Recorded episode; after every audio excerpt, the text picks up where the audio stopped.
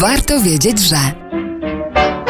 Warto wiedzieć, szczególnie jeśli ktoś w wakacje wybiera kierunek północny, że jedno z najdroższych i najbogatszych państw kontynentu, Norwegia, ma nad wyraz skromne dzieje samodzielnej państwowości. Przez prawie 300 lat, od XVI do początków XIX wieku, była to po prostu duńska prowincja. Zresztą wypełniona oczywiście piękną, choć skalistą i dla ludzi nieprzyjazną przyrodą. Elity mówiły po duńsku, język urzędowy był duński i w gruncie rzeczy panujące tam bieda z nędzą też były duńskie.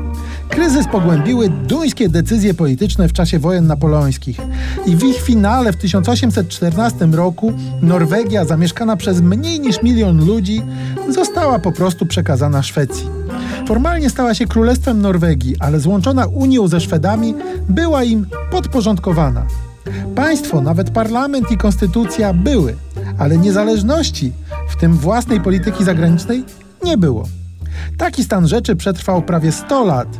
W tym czasie podwoiła się liczba ludności, obywatelstwo zyskiwały dwa norweskie dialekty i wzrastała świadomość odrębności. Walka o język i symbole narodowe spotykała się na przełomie wieków z przeciwdziałaniem Szwedów. Przyczyniło się to do tego, że zdominowana przez Sztokholm Unia nie dotrwała do swych setnych urodzin.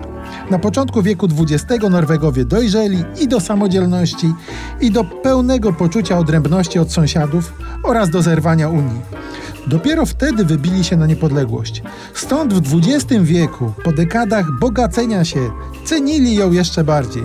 Kto tego nie dostrzega, ten nie zrozumie, dlaczego pytanie referendalne o integrację ze wspólnotami europejskimi zawsze otrzymywało od społeczeństwa odpowiedź nie.